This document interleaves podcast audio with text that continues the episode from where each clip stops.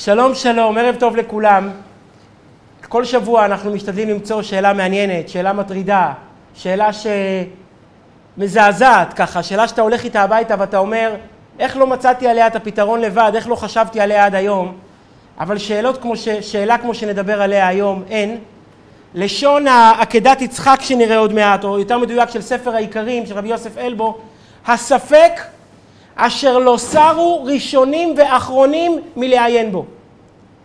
לא יודע אם ראיתי פעם שאלה שכותב עליה אחד מגדולי בעלי המחשבה בהיסטוריה, ספק שלא מפסיק להטריד ראשונים ואחרונים. זאת שאלה שמהדהדת, שנוגעת בעצם האמונה שלנו, בעצם התפיסה של החיים ושל עצמנו, שאף אחד לא ידע, אבל כל זמן שאנחנו בגלות והחיים הם זמניים, זאת שאלה שהיא עוסקת במוות, אבל היא חלק בלתי נפרד מהחיים. תודה רבה, יגאל, תבורך. לאן נעלם העולם הבא? איך זה שכל התורה שבכתב, כל תורת משה, לא מדברת מילה אחת על גן עדן וגיהנום? תשאל כל יהודי, בשביל מה אתה עובד? בשביל מה אתה מתאמץ? בשביל מה אתה מתעסק? אתה מקיים מצוות, אתה הולך לבית כנסת. את, בעולם הזה אתה לא תמיד רואה קשר בין מה שאתה עושה למה שאתה מרוויח. יש הרבה אכזבות, יש הרבה תהיות. אם הוא יהודי מאמין, מה הוא יגיד לך? תשמע אחי, כאן זה העולם העבודה, כאן זה לא עולם המשכורת. המשכורת זה בעולם הבא. האמונה הפשוטה של יהודי שהעולם הזה הוא מעלית. הוא לא החדר, הוא לא היעד של המלון, הוא לא החדר שקיבלת במלון, הוא המעלית לקראת החדר במלון. היעד הסופי של החיים זה העולם הבא. שם הנפש נהנית מזיו השכינה, נהנית מלהיות ליד כיסא הכבוד, ומקבלת את השכר על כל המעשים הטובים שעשתה, על כל המאמצים, על כל המסירות נפש, וכך להפך. חס ושלום נענשת על כל מה שעשתה. כל החיים של יהודי זה אמונה שהעולם הזה הוא עולם זמני, הוא עולם השקר, הוא עולם העיוות. שמה זה עולם הסדר, שמה זה העולם הנכון, שמה זה העולם הצודק, שמה האדם מקבל שכר. אתם מכירים את זה, את ההוא ש... שם רחם אבא שלו נפטר, הוא מגיע כל יום, פק"ל, שלוש פעמים לבית כנסת, שחרית מנחה ערבית, בלי חוכמות, להביא את אבא לגן עדן, 11 חודש. אחרי שנתיים אמא נפטרה לו עלינו, והפעם הוא לא מגיע, הוא מבריז, פעם בא, פעם לא בא. הרב קורא לו, אומר לו, מוישה, מה קרה לך? לפני שנתיים אצל אבא עבדת כמו שצריך, כמו שעון, עכשיו אצל אמא אתה מזגזג. אומר כבוד הרב, פשוט מאוד. 11 חודש עבדתי בשביל להביא את אבא שלי לגן עדן. אם גם אמא שלי תגיע לשם, גן עדן לא יהיה להם. יהודי מאמין שכל העולם הזה, זה העולם באמת הפושט, זה העולם הזול, זה העולם הזמני, אבל העוצמה האמיתית של החוויות, של הטוב, של העונג, של השכר של הנשמה הוא בעולם הבא. ואז אתה מגיע לפרשת והיה עם שמוע בפרשה שלנו, הפרשה החשובה הזאת שאנחנו קובעים אותה על הדלת. ואז אתה מגיע לפרשת כי תבוא, לפרשת בחוקותיי, פרשת הברכות והקללות. אתה רואה שמשה רבנו מבטיח המון שכר והמון עונשים, אבל הכל בעולם הזה. הוא לא אומר מילה אחת על כף הקלע, וגיהנום של אש, וגיהנום של שלג, ועוד כל מיני מילים שמי שמתעסק בתחומים האלה מכיר אותם, ולא אומר דבר אחד על תענוג הנשמות. מבחינת משה רבנו המשכורת היא פה. איך אנחנו נאמר עוד מעט בתפילת ערבית? והיה אם שמוע תשמעו את כל מצוותיי, השבוע פרשת עקב, מה יקרה אם שמוע תשמעו את כל מצוותיי ועשיתם אותם? לעובדו בכל לבבכם ובכל נפשכם, ונתתם את הר ארצכם בעיתו. איפה הקדוש ברוך הוא משלם? כאן. הוא נותן לך גשם, הוא נותן לך פרנסה, הוא נותן לך הצלחה בחיים, פה. חס ושלום הרגזת אותו. הישמרו לכם פן יפתה לבבכם וסרתם ועבדתם אלוקים אחרים והשתחוויתם להם. מה קרה? הוא לא אומר שמה כף הקלע. וחרף השם בכם ועצר את השמיים. ולא יהיה מותר, והאדמה לא תיתן את יבולה. מבחינת משה רבנו, מגיע לך שכר אריכות ימים. לא מגיע לך שכר חס ושלום קיצור חיים. אבל משה רבנו, איפה החוויות האמיתיות? איפה השכר האמיתי? מה, תחשבו על מעביד שכותב חוזה, ומה מבטיח לך שם בשכר? נסיעות וארוחת צהריים. הלו, איפה משכורת? איפה פנסיה? איפה פיצויים? איפה הדברים האמיתיים? על זה אתה לא מדבר. על השכר הקטן פה בעולם הזה, בעולם הזמני הזה, שנוח לו לאדם שלא נברא מי שנברא, שכל החיים האלה הם חיים של סבל, על זה הוא מדבר. אני אתן לך טוב, אני אתן לך שפע. אבל משה רבינו, אני לא רוצה את זה בכלל. אני רוצה להגיע, לא אני, רוצה לחיות בעזרת השם, משיח יבוא, שלא נצטרך למות. אבל אדם אומר, רוצה לחיות לעולם הבא, רוצה להגיע לשם, לקבל את השכר הגדול. אני רוצה להביא דוגמה, גם דוגמה שלילית וגם דוגמה חיובית, על העוצמה של העולם הבא. גם על העוצמה של העונש חלילה, וגם על העוצמה של השכר.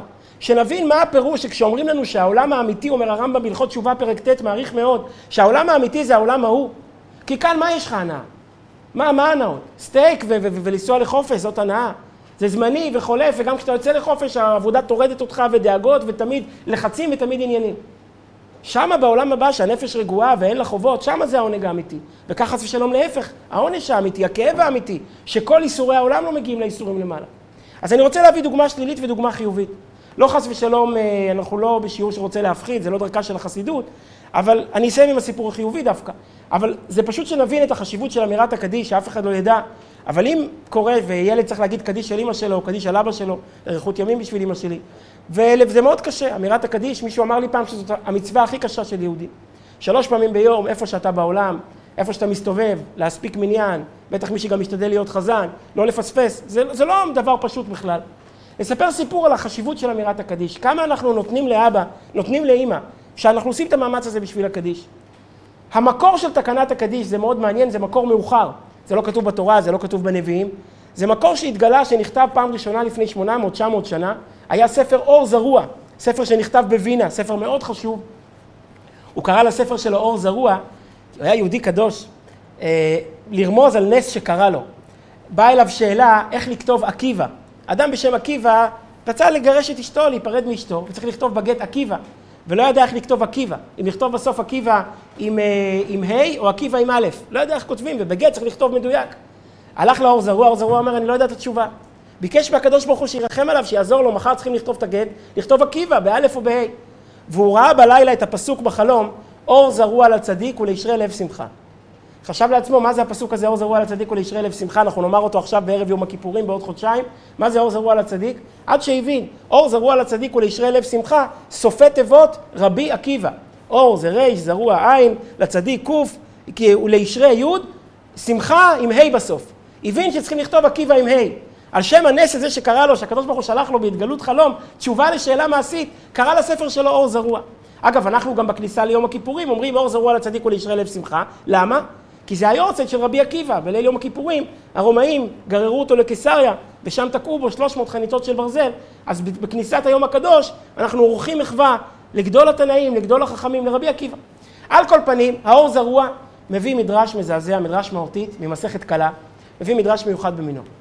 הוא אומר שרבי עקיבא חלם פעם חלום, שהוא רואה אדם שרוף, אדם שחור, אדם שנראה כמו גחל, כמו פיח, שרץ ממקום למקום עם ערימה של עצים על הצוואר, ועל הכתף ורץ ממקום למקום. רבי עקיבא מאוד נבהל, שאל אותו, מי זה האדון שלך שככה מתעלל בך? בהתחלה שורף אותך, ואז נותן לך לרוץ עם ערימה של עצים על הצוואר, הלוך וחזור. מי זה האדון הזה? אני אשחרר אותו, אני אשלם ויפדה אותך. הוא אומר, אני לא, אני לא מכאן, אני מהעולם ההוא. אני נפש נשמה מהעולם ההיא. מה עשית שמגיע לך עונש כזה, לרוץ, שרוף, כפיח, הלוך וחזור? הוא אומר, אני הייתי מוכס, הייתי פקיד מס. אצל חז"ל, תמיד כשרוצים להביא רשע מרושע, זה פקידי המס. פקידי המס, האלה מטעם המלך, הפקידי מס הכנסה, אצל חז"ל זה תמיד היה דוגמה לרוע המוחלט, לשחיתות המוחלטת. למה? הם היו צריכים לגייס כל שנה סכום בשביל המלך. לא היו מחשבים, המלך לא יודע כמה כל אחד מרוויח. אז היה בכל עיר, בכל שכונה פקיד מס, ולפי מספר האנשים היה צריך להביא סכום מסוים של כסף. הוא לא היה מסתכסך עם העשירים, לא היה לוקח מהעשירים יותר. היה עושק את העניים ומפנק את העשירים. אז תמיד פקיד המס היה סמל לשחיתות, סמל לרוע, סמל לקלקול. אז הוא אומר, אני הייתי פקיד מס, ועשיתי את אותו דבר, עשקתי את העניים, פינקתי את העשירים, וכתוצאה מזה שהגעתי למעלה, אז השם ירחם, שורפים אותו כביכול בגיהנום, והוא, והוא, והוא רץ הלוך וחזור עם ערימה שהוא צריך גם לסחוב על הכתף אחרי שהוא שרוף. רבי עקיבא הזדעזע ושאל אותו, מה אני יכול לעשות בשבילך? אני לא יכול לחשוב שזה מה שאתה עובר למעלה, שהנשמה שלך עוברת את האיסורים האלה. מה אני יכול לעשות בשבילך? אז הוא אמר, יש פתרון, אבל הוא לא רלוונטי אליי. מה הפתרון? אם היה לי בן שהיה אומר בשבילי ברכו וקדיש, זה היה ממתיק את הדין. אבל הבעיה היא שאין מצב. כי איך שאני מכיר את אשתי, היא לא לימדה את הבן שלי ברכו וקדיש. אומר רבי עקיבא, מאיפה, מאיפה האישה? אמר את השם של העיר. רבי עקיבא אמר, תנוח דעתך, אני אדאג לך. הלך לאותה העיר, שאל את כולם, איפה היה גר ההוא ההוא? אמרו כולם, ישחקו עצמותיו, יימח שמו וזכרו, ברוך השם הלך מאיתנו, אל תזכיר אותו. בכל זאת, איפה היה גר? הראו שם על הבית. אלמנה עם איזה נער, ילד שכבר גדל קצת, וכלום, לא יהודי, לא מעלה אותו, יהודי, אבל לא מתנהג כיהודי, לא מעלה אותו, שלא נתנה לו חינוך, שום דבר. רבי עקיבא ניסה ללמד אותו, ראה ראש אטום, אין עם מי לדבר. רבי עקיבא ישב 40 יום והתענה, יום ולילה, שהקדוש ברוך הוא יפתח את הראש של הבן אדם הזה, של הילד הזה. אחר כך ישב איתו, למד איתו, לימד אותו קריאת שמע, לימד אותו ברכות, לקח אותו לבית הכנסת, לומר קדיש וברכו. ואחרי כמה לילות רבי עקיבא רואה את אותו אדם שוב, הפעם בהיר, הפעם לא פחם, ואומר לרבי עקיבא, רבה, תנוח דעתך שהנחת את דעתי. תירגע, שהרגעת אותי, שהבאת שלווה לנשמה שלי. זאת אומרת, כמה שבעולם הזה חס ושלום יהיה ייסורים, בעולם הבא זה פי כמה וכמה. ו... וזה צד אחד. צד שני, בואו נדבר על הצד החיובי. קראתי לפני כמה חודשים סיפור פשוט מרטיט. זה היה הרגע שהחלטתי שבעזרת השם פרשת עקב, חשבתי פרשת בחוקותיי, לא הספקתי, פרשת עקב, אה, למסור שיעור על העניין הזה של, ה... של העולם הבא. היה יהודי בבני ברק, שקראו לו רבי יצחק, הרב יצחק שלמה אונגר. מי שמכיר, יש חוג חתם סופר. מכירים את ההכשר חוג חתם סופר? יש חוג חתם סופר בני ברק, חוג חתם סופר פתח תקווה. חוג חתם סופר זה יהודים אחרי השואה, שעברו את המוראות של השואה, כולם היו עם מספרים כחולים על היד. אלה שהצליחו להינצל הגיעו ארצה, והקימו פה קהילות כמו בהונגריה. חוג חתם סופר, החתם סופר היה הרב של אשכנז, הרב שמקובל על יהדות הונגריה, אז כמו, כמו בהונגריה. רבי יצחק שלמה אונגר הקים את חוג חתם סופר בבני ברק. יהודים מסכנים, חלקם צעירים שנראים כמו זקנים, חלקם זקנים ממש, מבוגרים. אנשים שאיבדו אישה, איבדו ילדים, איבדו הורים, איבדו משפחות. הגיעו ארצה שבורים ורצוצים, מנסים כל אחד להתחיל את החיים מחדש. היה שם יהודי בשם עקיבא שטיינברג. ערב אחד, בוקר אחד, זאת אומרת, בוקר אחד של פסח. הוא בא אל הרב אונגר, רועד כולו, בוכה, רועד כולו. חג, לא מתאים לבכות, רועד כולו, יהודי שעבר את אימי השואה וטלטוליה. הוא אומר, רבי, חלמתי הלילה חלום נורא ואיום, אני לא יודע מה לעשות. מה חלמת? חג היום, יום טוב, חג הפסח, יצאנו ממצרים, תירגע. אומר רבי, תשמע, לפני 33 שנה, פסח תש"ה, הפסח האחרון במלחמה, רגע לפני השחרור, בחודש אדר אני שוכב על הדרגש. שוכב לידי אברך ירא שמיים בשם אריה, והוא אומר לי בשקט, עקיבא, עוד מעט פסח. איפה נאכל מצה? זה היה הפסח הראשון שלהם במחנות, כי את הונגריה כבשו הרי רק בסוף 44, אז רק, רק אז הם הגיעו. איפה נאכל מצה? אני מסתכל עליו, אתה רוצה לדקור אותי? פה, באושוויץ, או טרבלינקה, אני לא יודע באיזה מחנה הם היו. פה נאכל מצה, מישהו יביא לנו מצה. לא, צריך מצה. בסדר, צריך מצה. אנחנו רוצים שקדוש ברוך הוא יעשה את שלו. הוא אומר, לקראת ראש חודש אדר, לקראת ראש חודש ניסן, אנחנו יוצאים בבוקר לעבודות כפייה, אני רואה גרעיני חיטה זרועים על כל השדה. היה שם מחסן חיטה גדול, ובנות הברית, הרוסים כבר הגיעו עם המטוסים, והתחילו להפציץ, ופוצצו איזשהו מחסן חיטה על יד, על יד המחנה, וגרעיני חיטה זרועים מסביב. אני נזכר במילים של אריה, עוד מעט פסח צריכים להכין מצות. הכנסתי לשני הכיסים שלי שני חופנים של גרעינים, לימין ולשמאל, חזרתי מאושר בלילה, יש לנו גרעיני חיטה. ה' ניסן, כמה ימים לפני פסח, התעכבנו בחוץ אחרי העבודה בלי שאף אחד ראה, לקחנו איזה שני, שתי אבנים כבדות, טחנו את החיטים אחת לשנייה, היה קמח. ואחרי כמה ימים שמנו איזשהו תנור, איזשהו כמה אבנים, הכנסנו בפנים כמה זרדים ושרפנו את הקמח. והייתה לנו מצה, עשינו עיסה עם מים והייתה לנו מצה. אני חוזר חזרה, הכנסתי, הייתי לבד, הכנסתי מתחת החולצה שתי מצות. ואני חוזר חזרה, והנאצי בכניסה שם לב שאני באיזושהי תנועה מוזרה, נתן לי בעיטה לבטן, הלו מה אתה מסתיר שם? שבר את המצה לחתיכות, הכל, כל הפירורים נשברו החוצה, יצאו החוצה מהחולצה. ראה את זה, בעט בי, היכה אותי, התגלגלתי בקושי, הגעתי לדרגה שבור וזב דם. אני שוכב על המיטה. בסופו של דבר, אחרי הכל הרגשתי עוד משהו דוקר בתוך המכנס. איזושהי חתיכונת מצה נשארה תקועה שם. ואמרתי לאריה, יש לנו כזית מצה. בליל הסדר אנחנו שנינו מתחילים להתהפך על הדרגש, לחשוב איך לעשות את הליל הסדר שלנו. ואז אריה ניגש אליי ואומר לי, תשמע, תעשה לי טובה, תן לי את הכזית מצה שלך. תן בבק... בשבילי זה חיים ומוות, אני לא יודע עוד כמה זמן אני אחיה, תן לי לאכול את הכזית מצה, אני רוצה לברך על זה הלילה. אני אומר לו, אריה, אני מסרתי את הנפש שלי, אני חטפתי את המכות, מה פירוש לתת לך... תן לי בבקשה, הוא היה פשוט משוגע, היה להוט כולו, תן לי את הכזית מצה. ואז אני אומר, ואז הוא אומר לי, תשמע, עקיבא, אתה יודע מה? בוא נעשה הסכם יששכר וזבולון. אתה תיתן לי את המצה, ואני אתן לך את השכר של המצווה. את השכר שמקבלים למעלה על כזית מצווה ולפום צער האגרא, הרי השכר הוא כגודל הצער. מי בהיסטוריה הצטער על מצווה כמו שאתה הצטערת? את השכר אני נותן לך. טוב, זה כבר היה מפתה, הוא כל כך רוצה, ומצד שני גם לי את השכר, הסכמתי. הוא לקח את המצה, הוא בירך, הוא אכל, ואני הסתכלתי. ויש לי את הסיכום התיאורטי שלי יש את השכר על המצווה. הלילה, 33 שנים אחרי, ליל הסדר, אני מסיים את הסדר, הולך לישון. הוא בא אליי בלילה והוא אומר לי, עקיבא, 33 שנה אני מתהפך למעלה, וחסר לי, חסר לי השכר של המצווה הזאת. אני מבקש ממך שתוותר לי על אותה מצווה שעשינו, שקיימנו ביחד בליל הסדר, תוותר לי על הזכות הזו. ועכשיו הוא עומד לפני הרב אונגר ואומר, רבי, מה אני עושה? מצד אחד, למה שאני אוותר? אולי חייתי חיים שלמים בשביל המצווה האחת הזו. מצד שני, באה נשמה מהעולם העליון, אתה יכול להגיד לה לא. 33 שנים הוא, הוא מתגלגל עם העניין הזה. מה אני עושה? הרב אונגר מאוד התרגש, אמר לו, תשמע, אני אין לי את הכתפיים לענות לך. יש פה אדמו"ר ממחנובקה הזקן, האדמו"ר הקודם ממחנובקה, תלך אליו. יהודי שעבר את הצרות, עבר את הגלגולים, תלך אליו. הלך אליו, הוא מאוד מאוד התרגש לשמוע את השאלה, ואז הוא אמר לעקיבא, תשמע עקיבא, אתה עוד חי בעולם הזה. אתה עוד יכול לברך, אתה עוד יכול להתפלל, אתה עוד יכול לקיים מצוות. הוא כבר איבד את הסיכוי. במתים חופשי, הוא כבר לא כאן. הוא, מה שהשיג, השיג. מה שחסר לו כבר לא יוכל להשלים. תוותר לו. ולך יש עוד מספיק זמן להשלים את מה שלא הספקת. זאת אומרת, אנחנו רואים מהפשט מצווה אחת שיהודי מקיים. בשבילנו זה עוד דבר, כן לקיים, כן לקום לתפילה, לא לקום לתפילה. נשמה למעלה מתגלגלת 33 שנה בגלל שכר של מצווה אחת שהיה חסר לה, שהיא לא השלימה אותו. ומשה רבינו את כל זה שוכח. מדבר איתנו על גשם, מדבר איתנו על גרעינים ומדבר איתנו על תבואה. אבל משה רבינו, על גן עדן וגיהנום, על העונש האמיתי חס ושלום, ועל השכר האמיתי אותו אתה לא מזכיר. שאלה עצומה. איך זה שבכל התורה כולה, התורה לא מדברת על התורה שבכ... על, ה... על העולם הבא? בואו נקרא את הלשון הזה של הראשונים. קודם כל, והיה עם שמוע, פרשה, בסך הכל שתי פרשיות אנחנו מצווים לשים על הדלת, שמע ישראל והיה עם שמוע, ובואו נראה כמה שזה צורם. כשאתה מודע לשכר הגדול בעולם הבא, הדיבור על השכר בעולם הזה נראה כל כך נמוך, כל כך מצומצם.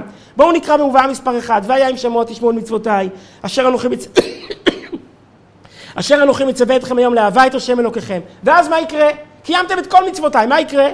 ונתתי מתר ארציכם בעיתו יורה ומלקוש, ואספת את גנך ותירושך ויצריך, ונתתי אסב בשדך לבהמתך, לבהמה יהיה מה לאכול, לך יהיה מה לאכול. זה יפה מאוד. אבל מוישה רבינו, אם אתה שומר לנו כזה שכר, למה אתה מסתיר אותו? ישמרו לכם פן יפתה לבבכם, ואז מה? וחרף השם בכם ועצר את השמיים. נורא ואיום. אבל איפה? העובדה הזאת שלא תגיע לשמיים, או שבשמיים חס ושלום הנשמה תסבול, על זה צריכים לדבר. לא אומר מילה. בפרט שאומרת המשנה באבות את מה שכולנו מכירים, יפה שעה אחת של קורת רוח בעולם הבא מכל חיי העולם הזה. שעה אחת של הנאה בעולם הבא, בשביל מה אדם חי בעולם הזה? אביס לנועה, קצת הנאה, קצת הנאה מאוכל טוב, קצת הנאה ממשפחה, קצת הנאה מהעולם הזה, קצת משהו לטעום משהו, בשביל זה אדם חי חיים שלמים. אומר לך רבי יעקב בפרקי אבות, שעה אחת של הנאה בעולם הזה, בעולם הבא, גדולה מכל חיי העולם הזה. מאה שנה של הנאה בעולם הזה היא פחות משעה אחת של הנאה למעלה. זה כזאת הנאה מרוכזת, זה כזה, כזה שכר גדול. אז מה מוישה רבינו, למה אתה מסתיר את זה? אז תבטיח לנו שמי שיעשה טוב, והיה שבו תשמעו לכל מצוותיי, אתם תשיגו את ההנאה הגדולה של העולם הבא. הנה השאלה הגדולה של ספר העיקרים. במאמר, במאמר רביעי, פרק ל"ט, הספק אשר לא שרו ראשונים ואחרונים מלספק בו. למה לא נזכר בתורה הייעוד הרוחני בפירוש, כמו שנזכרו היהודים הגשמיים? והיותר קשה בכל זה, אחר שלא הזכיר היהודים הרוחניים שהם עיקר השכר, למה הזכיר היהודים הגשמיים שאינם עיקר השכר? אם אתה רוצה להבטיח שכר, תבטיח שכר אמיתי. אתה לא רוצה לדבר על שכר כדי שנעבוד לשם שמיים, אל תבטיח כלום. אותו, אותו, באותה מילים, רבי יצחק הרמה בעקדת יצחק, באותה תקופה הם היו, שניהם לפני גירוש ספרד, גדולי הפילוסופים לפני גירוש ספרד. הם, רבי יוסף אלבו, רבי יצחק הרמה ואברבנאל. שואל עקדת יצחק אותו דבר. בעלי הדתות המאמינים בשכר ועונש, כן? אנחנו, להבדיל הנוצרים, המוסלמים, המאמינים בשכר ועונש מאת השם לעושי רצונו ומכיסיו, ישיבו על תורתנו. אחר שהשכר הרוחני הוא העיקר המכוון מהתורה, איך שתקה התורה ממנו, ויעדה השכר הגופני הקלה והאבד, ושמת הוא לתכלית לאנשים, ושמה הוא לתכלית לאנשים במעשים התורניים. אז לפני שאנחנו מחפשים תשובות, בואו נעמיק בשאלה. בואו נבין עד כמה זו שאלה גדולה, כי הנושא של העולם הבא הוא מחויב מצד ההיגיון. כמובן, אנחנו מאמינים כי זה כתוב, אבל צריך לדעת, זה שזה כתוב, נקרא את מה שכתוב. אבל הנושא של עולם הבא זה לא רק אמונה. משיח זה אמונה. שתהיה בתחיית המתים זאת אמונה, אין לנו ראייה שזה צריך לקרות מעבר לזה שזה כתוב. אבל עולם הבא זה כמעט דבר שהוא מחויב מצד המציאות. אז קודם כל, אם התורה לא אומרת, איפה זה נולד? אז מה אנחנו מדברים על זה בכלל? איפה, מי כן אמר את זה? המקורות המפורשים, אני רוצה להזכיר שגם בתורה יש רמזים, קראנו אתמול, למען אריכון ימיך ולמען ייטב לך, אומר רבי עקיבא לעולם שכולו טוב, יש רמזים, אבל זה לא כתוב, זה לא מפורש. איפה זה מפורש? זה מפורש בנביא. הסיפור הראשון זה הסיפור עם אביגיל. מעניין, הראשונה שדיברה על העולם הבא זה אישה, אביגיל. דוד המלך, בחור צעיר, בורח משאול, מסכן, המלך סימן אותו, המלך הגדול והחזק סימן אותו, רוצה להרוג אותו. שאול יודע שזה או דוד או יהונתן. כל זמן שדוד חי, יהונתן לא יהיה מלך. אז שאול פשוט מקדיש את השנים האחרונות שלו לרדוף אחרי דוד, למצוא אותו, לחסל אותו, מתוך מחשבה שאם דוד לא יהיה, המלוכה תישאר אצל זרעו. ודוד בורח, אין לו מה לאכול. גירשו אותו מבית, מבית חמיב, אין לו מה לאכול. ומתקבצת סביבו איזושהי חבורה של נערים, שביחד, חבורה של נערים שחיים שם בגבעות, חיים ביערות, שמתוך זה ביחד הם מנסים להתקיים, מנסים, מנסים לשרוד. היה שם איזשהו עשיר גדול, נבל הכרמלי, והם נכנסים אליו, שואלים אם הוא צריך עזרה. עזרה בגינה, עזרה עם בעלי החיים, יעזרו לו, ירוויחו כמה לירות. אמר בבקשה תעבדו, סוף חודש נשלם. עבדו חודש שלם, סוף החודש באו לבקש כסף, הוא כשמו, נבל. למה שישלם? הוא רואה חבר'ה צעירים, חייב להם משהו, לכו מפה. הוא לא ידע שעם בחורים לא מתחילים. לבחורים יש זמן ושכל. בחור לא ממהר לשום מקום, ויש לו שכל, הוא לא מפחד מאף אחד. הוא לא ידע שאסור לו להתחיל איתם, הם באו לשרוף לו את כל המשק. אתה הבטחת לנו עבודה ולא שילמת, נשרוף לך את כל המקום. אשתו אביגיל הייתה אישה חכמה. היא יצאה לדוד ואמרה לו במילים האלה, וזה בעצם המקור הראשון על קיומו של העולם הבא, ואנחנו כותבים את זה על מצבות, את הפסוק הזה. היא אומרת לו, והייתה נפש אדוני צרורה בצרור החיים את השם אלוקיך, ואת נפש אויביך יקל, יקלענה בתוך כף הקלע. והייתה נפש אדוני צרורה בצרור החיים, מה אנחנו כותבים על המצבות? תנצבה. תהא נשמתו צרורה בצרור החיים, זה המילים של אביגיל. היא אומרת לדוד, דוד אתה כועס, אבל העולם הזה הוא עולם זמני. אתה צודק שפה בעלי נבל ויקבל את עונשו, אבל אתה דוד תתאפק, תקבל את השכר שלך בעולם העליון. אל תפגע בו, אל תפגע במשק, אל תפגע באנשים, תתאפק, נפש אדוני תהיה צרורה בצרור החיים, וההוא יקבל את העונש שלו בכף הקלע. אומר המצודה דוד, מה זה כף הקלע? נפש אדוני צרורה בצרור החיים הרוחניים, אחרי פרדה מן הגוף. זה בעצם הפעם הראשונה שהנביא מתייחס לזה, שיש נפש, שהגוף הוא לא רק גוף, יש גם נפש, יש גם בטריה פנימית, בטריה רוחנית, והבטריה הזו נשארת ומתקיימת ונדונה שמה. יש בנביא עוד סיפור מאוד מעניין, בהמשך. שאול מגיע ליומו האחרון בעולם הזה, נכשל במלחמה מול פלישתים, הולך מהפסד להפסד, מטעות לטעות, הולך לאבד את המלחמה. עכשיו הוא לא יודע מה לעשות, האם לברוח, האם לסגת, מה לעשות. הוא עושה מעשה שהוא אסור על פי הלכה, הוא הולך לבעלת עוף בעין דור, והוא מבקש ממנה להוריד את נשמתו של שמואל הנביא ולתקשר איתה. פעם ראשונה שאנחנו רואים בנביא מושג כזה של לתקשר עם אדם שהלך, שהלך לעולמו. זאת אומרת שיש איזושהי מציאות, גם כשקברנו, וזה מצליח לה. היא מורידה את נשמתו של שמואל, איך היא יודעת? כי שאול שואל אותה איך שמואל נראה. הוא אומר לה, הוא לובש את מעיל התכלת, את מעיל הבד שאיתו הוא היה מתנבא. רק הוא ידע שאת שמואל קברו לא עם תכריכים, אלא עם מעיל הבד שלו. הוא אמר, אם היא יודעת שהוא לבוש במעיל, זאת אומרת שהיא רואה את נשמתו כמו שהיא למעלה. והוא אומר מילים מאוד קשות, שמואל אומר, מחר אתה ובניך עימי. וזה הסימן שזה היום האחרון של שאול, ומחר הוא ויונתן יפלו על חרבם, ימותו במלחמה.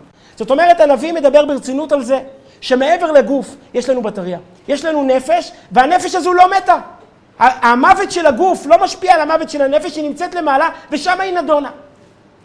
צריכים להבין שהנושא הזה של נפש, כמה שזה מופשט, זה מחויב מצד ההיגיון.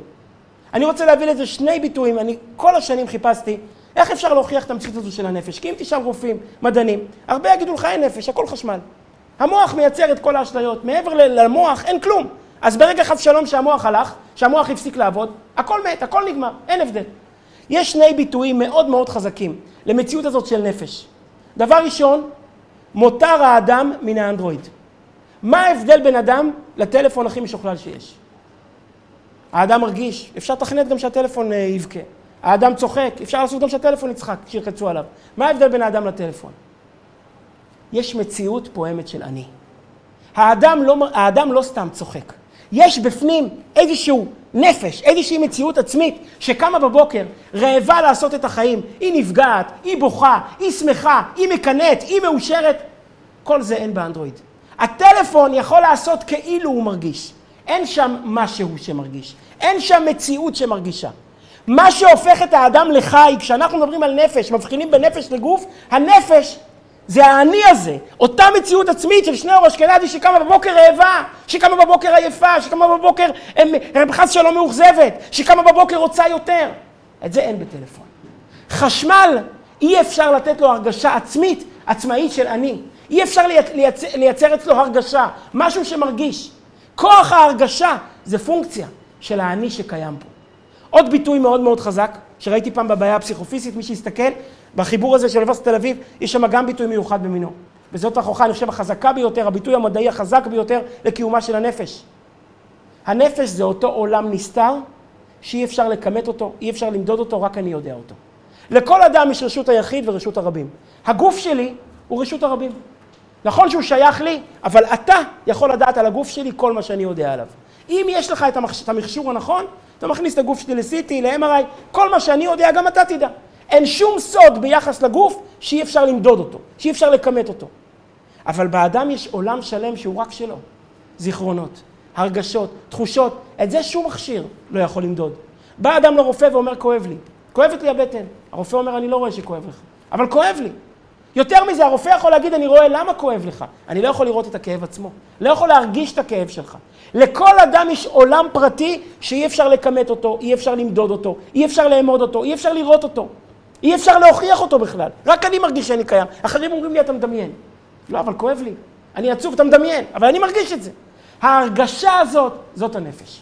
כשאנחנו מפרידים בין גוף לנפש, זה אותו כוח שמרגיש, זה אותו כוח שפועם, זה אותו כוח שרוטט, זה אותו כוח שמתלהב, זה אותו כוח שחי. וזה גם אותו כוח שהוא פרטי, שהוא רשות הפרט, רשות היחיד, אף אחד בעולם לא יודע עליו, חוץ מאשר אני עצמי. באים חז"ל ואומרים, ונקרא את זה במשפט של שלמה המלך, הנפש באה מלמעלה. הקדוש ברוך הוא יצר אותנו, הוא אומר במפורש, איך לשון התורה? וייצר השם אלוקים את האדם עפר מן האדמה, ויפח באפיו נשמת חיים. הגוף והנפש אלו שני חלקים, שני תחומים. בהתחלה הוא יצר בובה, אסף בובה מהאדמה, ואחר כך הוא גהר לתוכנו, גהר עלינו, ונפח לתוכנו נשמת חיים. אומר שלמה המלך, אם נוצרנו כשתי יחידות, אנחנו גם נפרדים כשתי יחידות. הגוף חוזר לאיפה שבא, הנפש חוזרת לאיפה שבא. הגוף חוזר לאדמה שממנה באה, הנפש שהיא רוח אלוקית, אותה הרגשה עצמית ששום רופא לא יכול לייצר אותה, אותה הרגשה של אני, אני חושב בשמה אני קיים, אותה הרגשה של קיום, אי אפשר לתת את זה לטלפון. שום מדע לא יכול לייצר אותה, זה בא מלמעלה, זה בא מלמעלה, זה חוזר למעלה. אומרים לך חז"ל, אותו נפש שחוזרת למעלה, איפה היא נדונה? איפה היא מקבלת שכר? פה בעולם הזה היא תקבל שכר על מה שהיא עשתה? מה, מה הקדוש ברוך הוא ייתן? ג'יפ? הנפש לא מבינה בג'יפים, זה לא מדבר אליה. היא עולה למעלה, שם היא נענשת ומקבלת שכר, זה העולם שלה, זה מה שהיא מבינה. העולם הבא, אומר שלמה המלך, נקרא את זה, מובן מצד ההיגיון. איזה היגיון?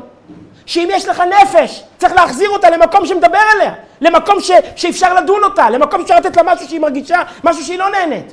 מה תיתן לה בעולם הזה? צ'יפס, שניצל, לא מעניין אותה. איזה שכר הקדוש? ונתתי עשב לבהמתך, הנפש מעניינת אותה הבהמה? לא מעניין אותה. היא עולה למעלה, שם היא נהנית מזיו הנשמות. חס ושלום היא נענשת במובן שהנפש מצטערת, בעונשים כף הקלע, שהנפש מצטערת ממנה, כמו שמוסבר בספרי קבלה, מה זה העונשים האלה? אז זה עולם שמדבר אל הנפש. זאת אומרת, עולם הבא בפשטות הוא מתחייב מצד המציאות, למה? כדי לתת שכר ראוי לנפש, כדי להתייחס לנפש, למה שמגיע לה. הגוף יכול להיענש בעולם הזה. הנפש לא יכולה להיענש בעולם הזה, לא יכולה לקבל שכר בעולם הזה. היא חוזרת למעבדה. היא חוזרת לאותו מקום שאפשר לטפל בה, לאותו מקום שממנה היא באה, לאותו מקום היא חוזרת. בואו נקרא את הפסוק היפה הזה של שלמה המלך בקהלת י"ב: וישוב העפר אל הארץ כשהיה, והרוח תשוב אל האלוקים אשר נתנה. העפר בא מפה, חוזר לפה. הנפש באה משם, היא לא חלק מהעולם הזה. המציאות העצמית הזו של הקיום, אין לזה שום עדות בטבע. זה לא חלק מהטבע, זה משהו שהוא מעל הטבע. העולם הפרט הזה, העולם של המחשבות, זה לא משהו פיזי, זה לא משהו שהוא חלק מהעולם הזה. זה פסיכו, זה נפשי. אז זה בא מלמעלה, זה חוזר למעלה. כשהיא חוזרת למעלה, שם היא נדונה. זאת אומרת, מה אני רוצה לומר? לחדד את השאלה. הנושא של עולם הבא, זה לא רק פסוקים. למרות שפסוקים זה הכי חשוב, אבל זה גם היגיון. כי יש בנו חלק שהוא באמת לא חלק מהעולם הזה. יש בנו חלק שהוא לא פיזי, הוא לא חלק מהמשחק פה. הוא, הוא משתתף במשחק, אבל הוא לא נהנה מהמשחק הזה. אז איפה הוא צריך לקבל את השכר? במעבדה.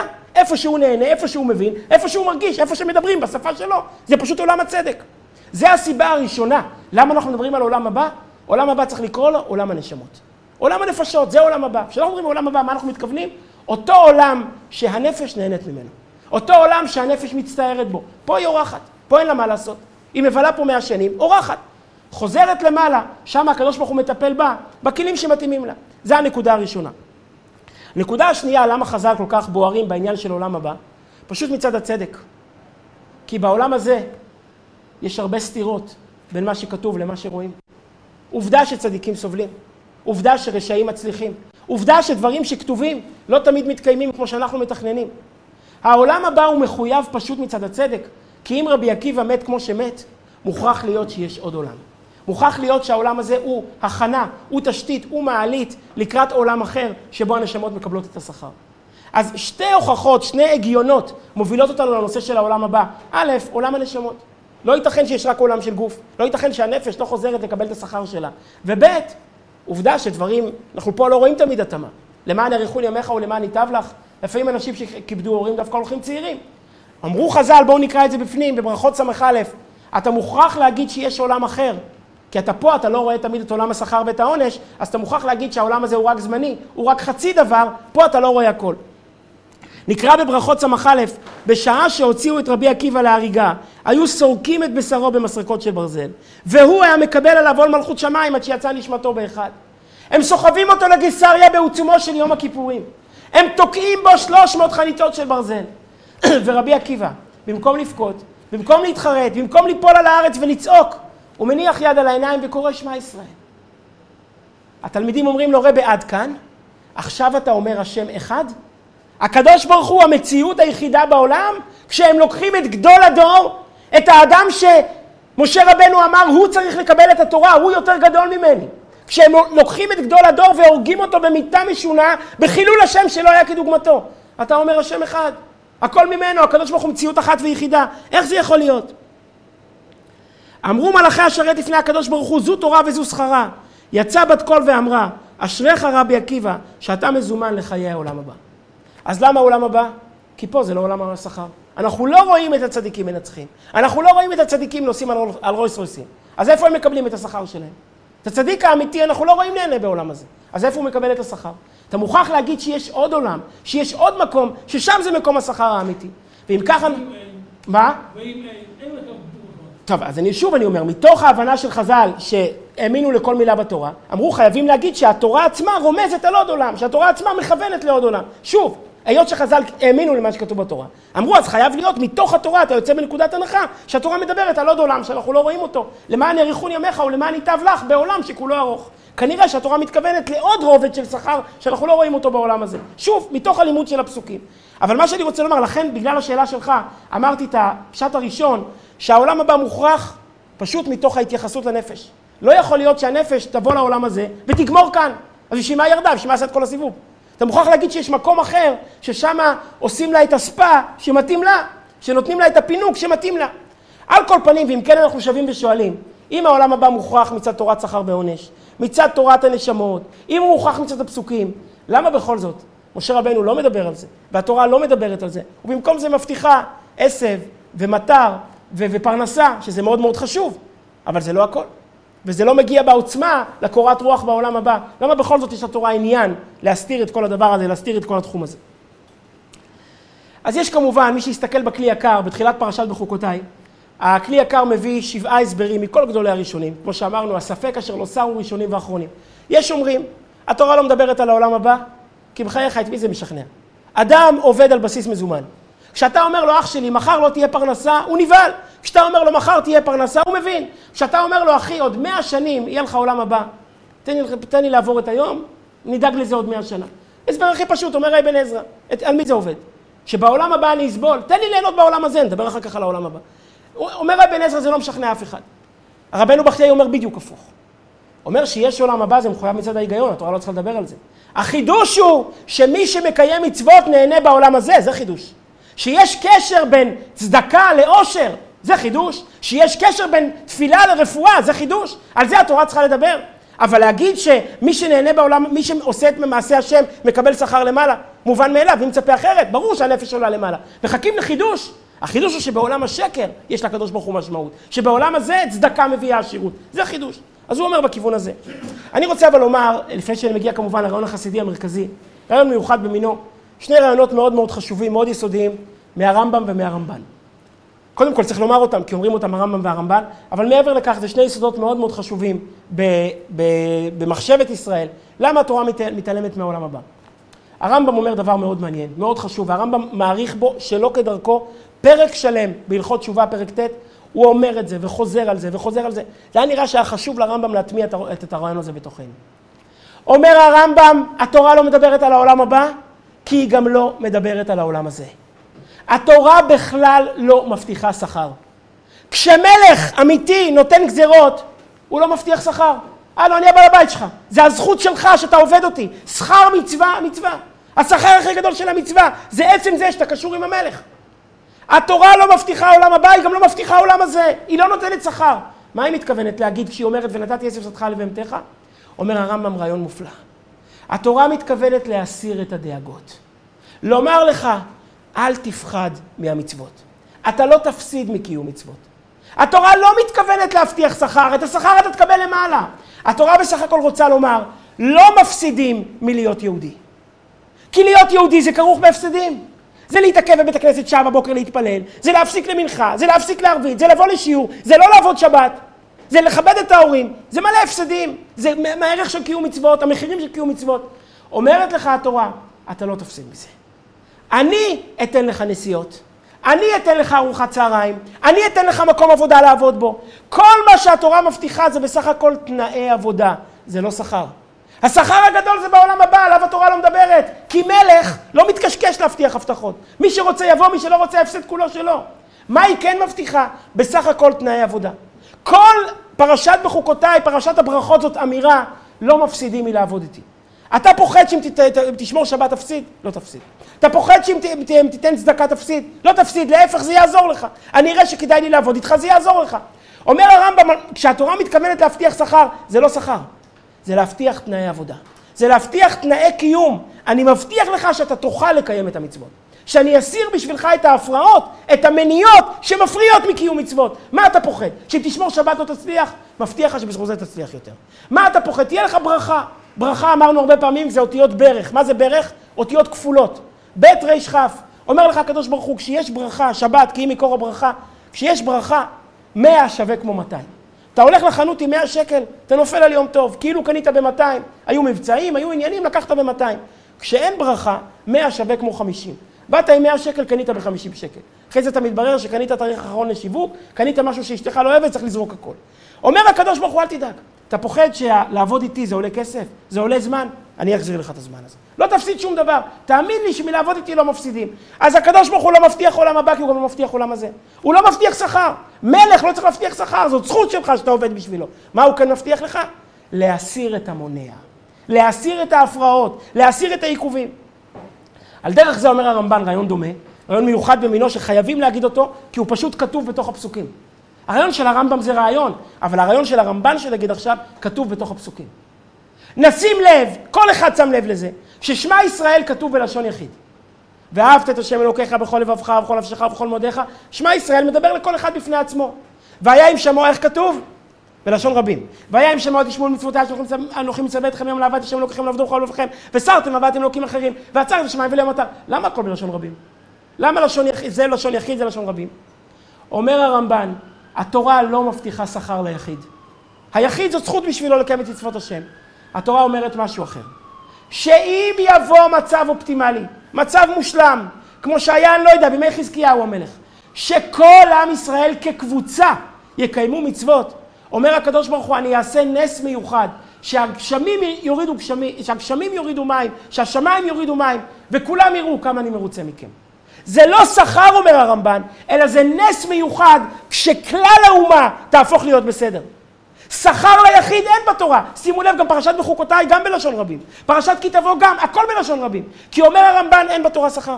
הקדוש ברוך הוא לא, לא משכנע אותנו לעבוד אותו. שכר מצווה מצווה. מה הוא כן עושה? הוא אומר, א', אל תחששו. אל תפסיד, לא תפסידו. דבר ראשון אומר, אומר הקדוש ברוך הוא, לא תפסידו. דבר שני הוא אומר, אם קרתה גאולה, וכל עם ישראל בארצו הפך להיות ירא שמיים, ושומר שתי שבתות, אני אעשה נס מיוחד להראות שזה משתלם. להראות שזה כדאי, האדמה תצמיח יבול, השמיים יורידו גשם, כולם יראו את האמיתיות של התורה. אבל אומר הרמב"ן, זה נס מיוחד בלשון רבים. נס מיוחד כשכל עם ישראל עובד אותי ביחד, זה לא קשור ליחיד. היחיד צריך לקיים מצוות השם, למה? כי הקדוש ברוך הוא ציווה. כי שכר מצווה מצווה. איפה יהיה השכר? בעולם הבא. התורה לא מדברת על זה כמו שהיא בכלל לא מדברת, גם לא מדברת על העולם הזה. שני רעיונות יפים מאוד, בואו נקרא את הרמב"ם ואת הרמב"ן מבואה מספר 3. הרמב"ם אומר בהלכות תשובה פרק ט', אין אותן הטובות סוף מתן שכרן של מצוות, ולא אותן הרעות סוף הנקמה שנוקמים מעובר על המצוות, אלא כך הכרע הדברים. הקדוש ברוך הוא נתן לנו תורה זו עץ חיים, והבטיחנו שאם נעשה אותה בשמחה ובטובת נפש ונהגה בחוכמתה תמיד, יסיר הדברים המונעים אותנו מלעשותה. כגון חולי ומלחמה ורעה וכיוצא בהן. וישפיע לנו כל הטובות המחזיקות את ידינו מלעשות התורה, כגון סובה ושלום וריבוי כסף וזהב, וזאת כדי שלא נעסוק כל ימינו בדברים שהגוף צריך להם. יבוא יהודי ויגיד אין לי זמן לבוא לשיעור, אין לי זמן לבוא להתפלל, אני לא יכול לתת צדקה, כי אני צריך לפרנס משפחה. אומר לך הקדוש ברוך הוא זה עובד הפוך. אתה תעזור לי, אני אעזור לך, לא בתורת שכר. כי מי שעובד עם המלך לא מפסיד. זה לא, זה לא שכר, זה הרבה לפני משכורת. זה פשוט יחס פשוט. שמי שנותן לי, אני מחזיר לו חזרה, אני רוצה להשקיע בו. סיפרנו הרבה פעמים את המשל, לא משל, אולי זה סיפור שהיה במציאות, על אותו יהודי, היה יהודי באלנבי, הייתה לו חנות חליפות קטנה, ומאוד מאוד הקפיד על, אה, מאוד מאוד הקפיד על מעשרות. וכל סוף חודש, היום ב-30 לחודש עושה חשבון, כמה הכניס, כמה הוציא, ובלי לחשוב פעמיים הולך לרב בבית הכנסת, נותן מעשר. לא מתעניין מה הרב עושה עם זה, נותן מעשר ביראת שמיים בקבלת עול.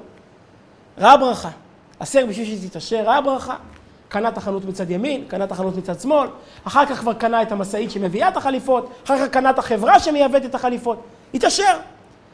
מהון להון, מחודש לחודש, המעשר גדל. מה שפעם היה אלף שקל ואלפיים שקל, הפך כבר להיות עשרת אלפים דולר וחמישים אלף דולר, וכל חודש זה חתיכת מעמסה.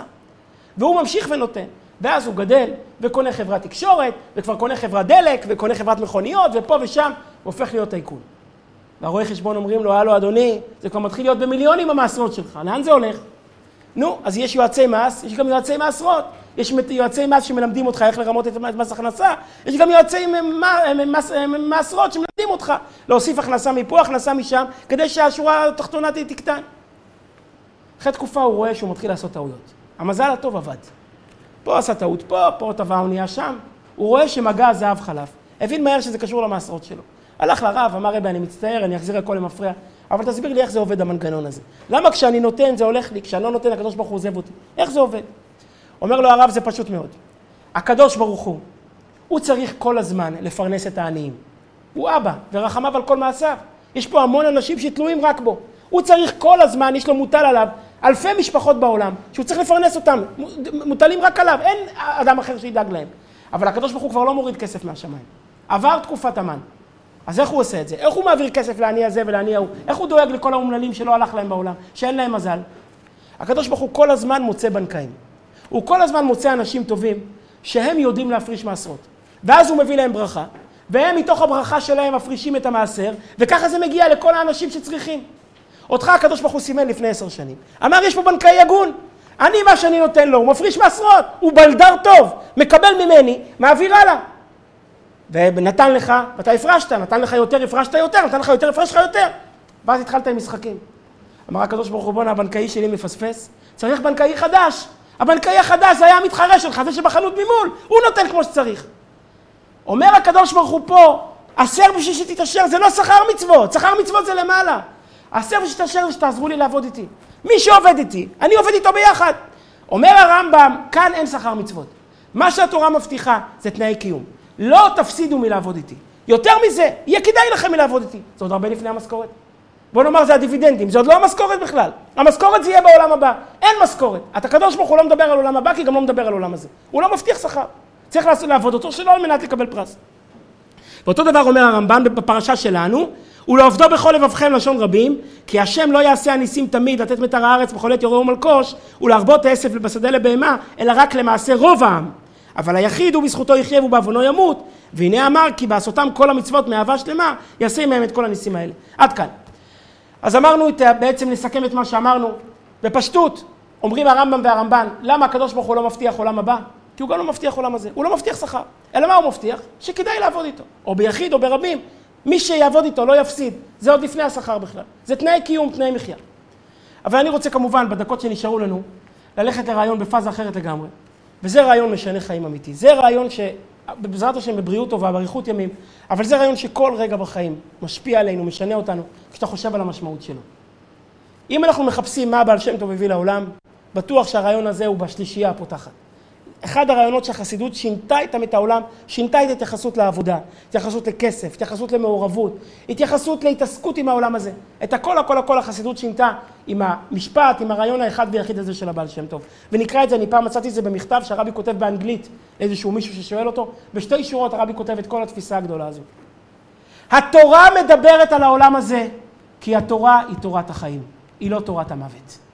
החידוש של התורת ישראל על פני כל הדתות האחרות, שהתורה אומרת שיש עולם אחד שהוא יותר גבוה מהעולם הבא, העולם הזה. הזכות הזאת שיש ליהודי לחיות כאן בעולם, יש לו פרנסה ויש לו גשם ויש לו ברוך השם בריאות והוא יכול לחיות עוד יום. זאת הזכות הגדולה ביותר שקיימת. למה הקדוש ברוך הוא, לא, למה התורה לא מדברת על העולם הבא? כי זה לא עניינה. תורה שבכתב מאוד מקצרת. כל מה שהיא אומרת על התפילין זה והיו לטוטפות בין עיניך. כל מה שהיא אומרת על המזוזה זה וכתבתם לזאת ביתך ובשעריך. כל מה שהיא אומרת על שבת זה לא תבערו אש בכל מושבותיכם. תורת ישראל אומרת רק מה שחשוב בשביל מה? בשביל החיים בעולם הזה. היא לא מדברת על העולם הבא, כי זה לא הנושא. העולם הבא זה עולם הפנסיה. אתה לא בא לבן אדם בן 20 לדבר איתו על הפנסיה, זה לא העניין. אתה בשלב של העבודה, התורה שלנו עניינה הוא משפט אחד. להיות אדם שחי חיים קדושים. אם אנחנו נסתכל בתורה 613 מצוות, מה משותף לכולם? כולם מצוות שקשורות לעולם הזה. איך לקום קדוש, איך לשכב קדוש, איך להיות בצהריים קדוש, איך להיות בערב קדוש, איך להיות ביום חול קדוש, איך להיות בשבת קדוש. כל הרעיון של תורת ישראל זה לעשות לו יתברך דירה בתחתונים. זה ללמד את האדם איך לחיות חיים שלמים, חיים קדושים, וזאת ההנאה הכי גדולה של הקדוש ברוך הוא בעולם. אז מה יבוא משה רבנו ויגיד? אם תתנהג פה כמו שצריך, שמה יהיה לך טוב. תורה שבכתב לא מתעניינת בשמה. תורה שבכתב לוקחת את התורה של שמה ומורידה אותה לפה. ללמד אותך איך לעשות מהעולם הזה גן עדן. לא איך להגיע מהעולם הזה לגן עדן, אלא איך להפוך את העולם שלך, את העולם שאתה חי בו, לגן עדן. מבחינת התורה שבכתב זה העולם הגדול ביותר. לכן התורה לא מתעסקת עם העולם הבא, זה לא עניינה. זה עניינה של הנביאים, זה עניין של חז"ל. גם התורה לא מדברת על תחיית המתים, על הרבה דברים, גם לא מדברת על הגאולה כמעט. זה עניין של חז"ל, זה עניין של הנביאים. על מה התורה מדברת? היא מדברת על המציאות היומיומית, איך לקום בבוקר, איך ללכת לישון בבוקר, לחיות חיים קדושים, מה שנראה לנו כל כך קשה, וגם בשביל מה? עוד יום של ברכה על הציצית, עוד יום של ברכה על התפילין. אומרת לך התורה, זה הדבר הגדול ביותר. לזכות, עם, ונתתי עשר בשדך לבהמתך, ובזכות זה תזכה עוד יום לברך על הציצית. זה יותר גדול מלהגיע לעולם הבא. עולם הבא זה עניין אחר, זה לא קשור לפה. לפה מה שחשוב, זה הזכות של עוד יום לחיות, ועוד יום לחיות, ועוד רגע לחיות. לפעמים כשיש לי מצב רוח, אז אני עושה הליכה למשרד בכפר חב"ד, אני הולך ברגל. פעם פגש אותי מישהו, ושואל אותי, אדם לא, לא שומר מצוות, ושאל אותי למה הרבה חב"דניקים, אני רואה, עושים הליכה מראשון לכפר חב"ד, למה הרבה חב"דניקים עושים הליכה, מה הסיבה? אז אמרתי שהחב"דניקים הם תלמידים של הבעל שם טוב. והבעל שם טוב לימד אותנו שהדבר הכי חשוב זה לחיות. הדבר, הערך הכי גדול שיש זה לחיות. ואם בשביל לחיות צריך לעשות הליכה, אז צריכים לעשות הרבה הליכות. בשביל שבעזרת השם תזכה לאריכות ימים. הבעל שם טוב לימד אותנו שה... הערך העליון של החיים זה לא להגיע נקי לעולם הבא, זה לחיות פה כמה שיותר. לחיות פה כמה שיותר ולהספיק עוד יום של ציצית ועוד יום של תפילין ועוד יום של אהבת ישראל ועוד יום של קירוב ועוד יום של עבודת המידות. זה הדבר הגדול ביותר. אז התורה שלנו לא מתעסקת עם העולם הבא, כי זה לא האג'נדה שלה. זה לא הנושא, להפך. התורה שלנו רוצה להפוך את העולם הזה לעולם הבא. לקחת את התורה מלמעלה ולהוריד אותה למטה, כדי שכל יום של חיים יהיה מושלם ויהיה מופלא. למה הדבר דומה? יש סיפור שהמציאו על החסידים. היה סופר, סופר יידישיסטי, הוא היה, הוא לא היה ירא שמיים, הוא היה בחור ישיבה שירד מדרך התורה והמצוות, כתב סיפורים ביידיש. והוא כתב סיפור על העיירה, על החיים בעיירה, על החיים של המתנגדים והחסידים. והוא הבין את החסידים יותר טוב ממה שהחסידים הבינו את עצמם. והוא סיפר סיפור כזה. הוא סיפר שהיה עיירה רימנוב בפולין, היה שם צדיק גדול, רב מנדלי מרימנוב, יהודי עושה פלאות, עושה נפלאות. פעם הגיע לשם איזשהו יהודי מסנגד, אל תכעסו עליי שאני אומר באשכנזית, מסנגד. מתנגד זה לא הולך, נו. יהודי מסנגד הגיע שם לעיר, והוא לפני סליחות, עוד מעט סליחות, והוא שואל, הוא אומר, אני רוצה לראות את הרבי מרימלוב אומר סליחות. מתי הרבי מרימלוב מגיע לסליחות? מתי המניין של הסליחות שלו? אמרו לו, הרבי מרימלוב לא מגיע לסליחות. אצלנו אומרים סליחות לפנות בוקר, חמש בבוקר. הרבי מרימלוב לא מגיע לסליחות. איפה הוא? החסיד אומר, לא יודע איפה, איפה שהוא רוצה. אולי עולה לשמיים להגיד סליחות, אני יודע איפה. הוא לא בא לבית הכנסת, לא יודע איפה, אולי עולה לשמיים. המסנגד הזה הולך לעוד יהודי, שואל אותו, תגיד לי, איפה הרבי מרים לו ואומר סליחות? אני יודע, עולה לשמיים, אומר סליחות. לבית כנסת הוא לא בא, כנראה בשמיים. המסנגד הזה זה מה שהיה צריך לשמוע. איזה חסידים הזויים, הרבי שלהם לא קם כי לא בא לו לקום, והם אומרים שהוא עולה לשמיים. הוא אומר, אני אחכה מאחורי החלון שלו. אני אראה מה הוא עושה כשהם מסכנים קמים בחמש בבוקר ואומרים סליחות. הוא מחכה בארבע וחצי בבוקר מתחת החלון של הרבי מרימנוב בחדר שינה. ארבע וחצי בבוקר, עוד אין, עוד אין שמש, הרבי מרימנוב קם, רב מנדלי מרימנוב קם, פותח את הארון, מוציא קוצ'מה, מי שמכיר את הכובע הרוסי, הכובע האוקראיני, הפרווה, נגד, נגד השלג, להתחמם, מוציא קוצ'מה גדולה, מעיל איכרים, פרווה, כבד, לובש על הגוף. אומר, זה מה שהרבי שלהם עושה. בטח הולך לשחק הימורים, הוא מתחפש לעיקר, מה הוא עושה עכשיו? לא מספיק, הוא רואה את הרבי פותח את הדלת השנייה, מוציא גרזן וחבל. הוא אומר, זה הולך ללסתם את הבריות. לאן הולך? עוקב אחריו. הרבי מרימלוב יוצא לתוך היער, חמש בבוקר, אין נפש חיה, קור כלבים. נכנס לתוך היער, חוטב כמה עצים, קושר אותם בחבל, שם על הכתף, עם המעיל עיקרים שלו, שם על הכתף. בקצה העיירה יש איזו בקתה של אישה עלובה, אישה אלמנה מבוגרת, ששוכבת שם לבד, בעלה נפטר, נשארה לבד. הוא צועק לה מתוך הדלת, לאה, זה אני וסילי, הגוי, באתי לחמם לך את הבית. היא שוכבת במיטה מסכנה, לא יכולה לקום חולה, והיא צועקת, וסילי, איך אני אשלם לך? אין לי לשלם לך. לאה, לא צריך לשלם לווסילי, וסילי גוי טוב. אני, תזכרי פעם, תשימי בקופת צדקה. מכניס את העצים לתוך התנור, מחמם את הבית, שם קצת מים על האש, שכשהיא תקום יהיה לה כוס תה חמה בבוקר, מביא קצת חלב, ואז חוזר הביתה, מוריד את הבגדים, ובא לבית כנסת בשמונה בבוקר להתפלל. מספרים שאחר כך שאלו את המסנגד הזה, אם זה נכון שרב מנדלי מרימנוב עולה לשמיים לסליחות. אז הוא אמר, עולה לשמיים? למעלה מהשמיים. אם לא למעלה מזה, מגיע יותר למעלה מהשמיים. התורה לא מדברת על העולם הבא כדי להגיד לך שיש עולם יותר גבוה מהעולם הבא, זה העולם הזה. העולם הבא זה עולם השכר, זה עולם הפנסיה. בחור בן 20 לא רוצה להגיע לפנסיה. בחור בן 20 רוצה לעבוד. העולם הזה זה עולם העבודה. העובדה הזאת שיהודי קם בבוקר, וקשה לו, ואומר ברכות, ומתפלל, ומתייגע, ונלחם עם היצר, ושומר על העיניים, ועובר את היום, ותפילת מנחה, ותפילת ערבית, ונותן צדקה עוד בסוף חודש, ומפסיק בשבת לעבודה.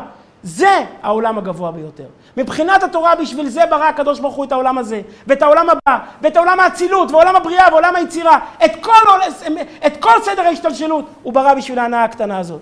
שיהודי גובר על יצרו, מספרים על הגאון מווילנה, שרגע לפני שהוא נפטר, הוא התחיל לבכות. שאלו אותו, מה אתה בוכה? הגאון מווילנה, אתה פוחד, אתה פוחד מהשמיים. אם אתה לא תגיע לגן עדן, מי יגיע לגן עדן? מה אתה פוחד? אז הוא הוציא את הציצית, והוא אמר, על זה אני בוכה. זה לא יהיה לי למעלה. זה תפיסה חסידית. כמה שקשה לך, את זה כבר לא יהיה למעלה. למעלה יש שכר, יש פנסיה. לעבוד אתה כבר לא יכול. לשנות אתה כבר לא יכול, ליצור אתה כבר לא יכול. זה יש בעולם הזה.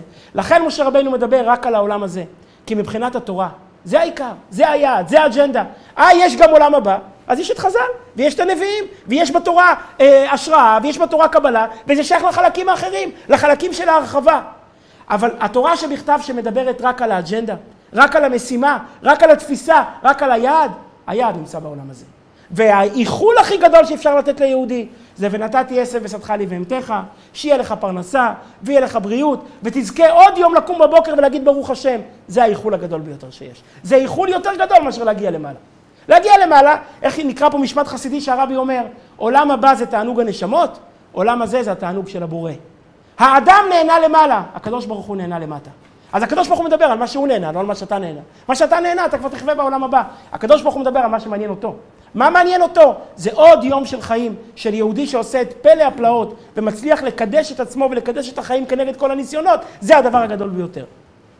אני אסיים בשתי שורות שמאוד חשוב לי לומר אותן. לפי היסוד הזה, נוכל להבין, נוכל להבין את השאלה הכי גדולה ביהדות. השאלה ששלמה המלך אמר עליה, אמרתי אחכמה והיא רחוקה ממני. שלמה המלך אומר, הבנתי הכל ביהדות, חוץ ממצווה אחת, טומאה וטהרה. אומר, לא הבנתי, מה זה הווירוס הזה של הטומאה?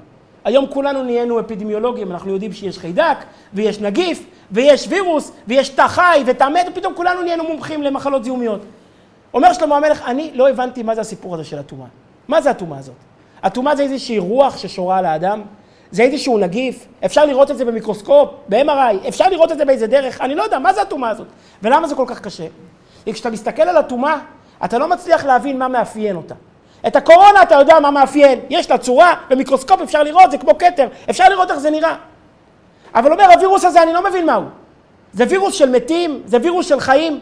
מצד אחד, הטומאה הכי מהותית זה המת. האדם המת, השרץ המת, נבלה, נבלה מת המת. המת. מצד שני, יולדת טמאה. יולדת שהביאה חיים טמאה. איזה טומאה יש לה? מה מחבר בין היולדת למת? בעל קרי.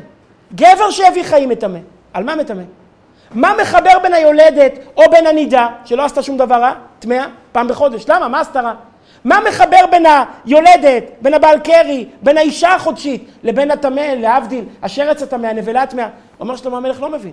הסתכלתי במיקרוסקופ על הווירוס של הטומאה, לא מבין את מהותו, זה, זה וירוס של חיים או וירוס של מתים, אני לא מבין. יש וורט בכוזרי שאומר בדיוק את מה שאמרנו עכשיו, מה שאמר הבעל שם טוב, אמר הכוזרי לפני כן. אומר הכוזרי רעיון מדהים.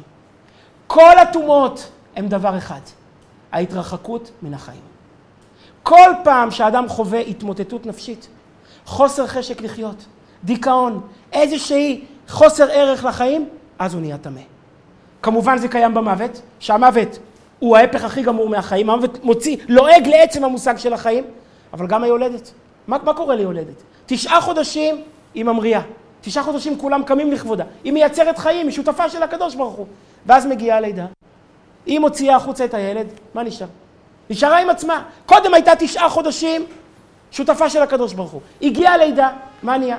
מתרוקנת, הופכת להיות כמו כולם, נשארת עם החיתולים. מה היא חובה? חובה דיכאון אחרי לידה, חובה נפילה מאוד מאוד עמוקה מהמדרגה שלה. אומר, זה הטומאה. הטומאה היא כל פעם שאדם נופל ממדרגתו, שמרגיש חוסר חשק לחיות.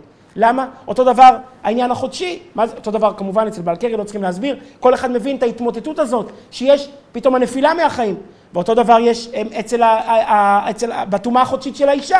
קודם הייתה יכולה ליצור חיים, אבל אז כשמגיע העניין של הנידה, היא מאבדת את הסיכוי ליצור חיים. זה נוצר מתוך העובדה שלא הייתה הפריה. כל פעם שיש עיבוד של חיים, בעיני התורה זה המצב הגרוע ביותר. אצל הקדוש ברוך הוא הדבר הגדול ביותר זה לחיות. אצל הקדוש ברוך הוא הדבר הגרוע ביותר זה להפסיד רגע אחד של חיים. זה להפסיד תא אחד של חיים. זה להפסיד סיכוי אחד של חיים. זו תורת ישראל. תורת ישראל בשתי מילים זה תורת החיים. זה לא תורת העולם הבא, זה לא תורת הנפש, זה לא תורת המוות. זה התורה הזאת שמלמדת אותנו לא איך למות כמו יהודי, אלא איך לחיות כמו יהודי. הרבה אנשים נזכרים ברבנים במוות, מביאים את הרב לשבעה, מביאים את הרב ללוויה, זה לא יהדות. ברב צריכים להיזכר בסתם בוקר רגיל של יום שלישי, שאתה חושב לחיות את, את, את היום שלך, אז צריך להתקשר לרב. זאת היהדות. היהד... מה? בלעם רצה תמות נפשי מות ישרים, יפה מאוד. הוא לא הבין שהיהדות היא לא למות כמו יהודי, היהדות היא לחיות כמו יהודי, זה הפלא. עד כדי כך שהקדוש ברוך הוא לא מקדיש מילה אחת כדי לספר מהו מוות ראוי. כי זה כבר ההפך מהיהדות. למות זה כבר שייך לחלק ההוא, זה כבר לא שייך לחלק שלנו. מה שאנחנו מבקשים זה חיים ובריאות ואריכות ימים, וכל זה בשביל שנוכל לשרת אותו כמו שצריך, שנוכל לשרת אותו באמונה.